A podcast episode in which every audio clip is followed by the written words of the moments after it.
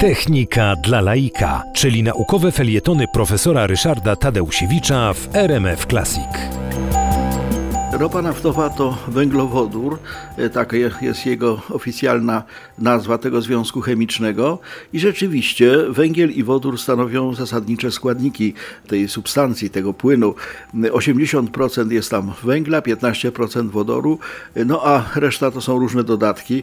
No, szczególnie szkodliwym dodatkiem jest siarka, bo niestety no, zasiarczona ropa naftowa jest przy przerobie kłopotliwa i wobec tego odsiarczanie ropy naftowej w tej chwili stało się głównym źródłem w ogóle no, siarki jako takiej na rynku. Myśmy mieli w Polsce ładne kopialnie siarki, one no, padły ze względu na to, że więcej siarki się wydostaje w tej chwili z ropy naftowej.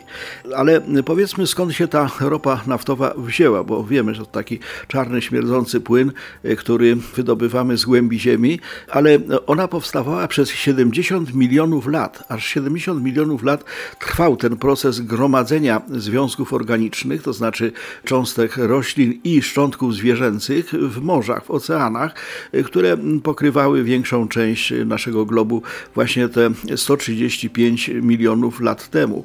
Wobec tego w tak zwanym mezozoiku, tak się nazywała ta era, to jest właśnie 135 do 65 milionów lat temu, te szczątki osiadały na dnie i dodatkowo przysypywały je tam różnego rodzaju twory nieorganiczne, to znaczy po prostu na przykład piasek, muł, żwir.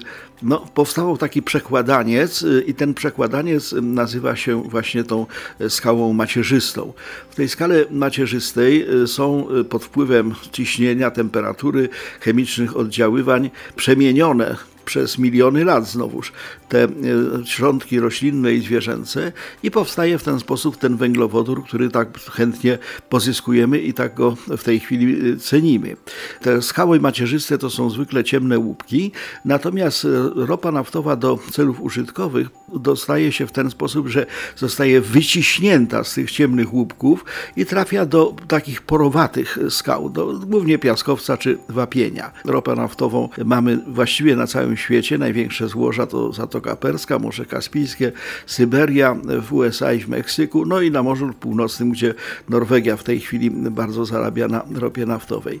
Może na koniec warto powiedzieć, że silniki dieslowskie, czyli samochody napędzane dieslem, umownie e, mówimy, że napędzane ropą, tak naprawdę są napędzane jednym ze składników e, ropy. Ropę naftową e, metodą rafinacji, a także tak zwanego crackingu dzieli się na szereg różnego rodzaju substancji i tak po kolei najpierw się otrzymuje benzynę najlżejszą, potem naftę, to Ignacy Łukasiewicz wynalazł tą metodę, potem rozmaite oleje, w tym właśnie olej napędowy, którym napędzamy nasze samochody. Dalsze są różnego rodzaju smarowe, opałowe, parafiny, smary, asfalty, mazuty, wazelina. No, jest tego mnóstwo. Ropa naftowa jest bardzo ważnym surowcem, no ale przede wszystkim jest surowcem energetycznym i o to się w tej chwili martwimy, że może jej braknąć.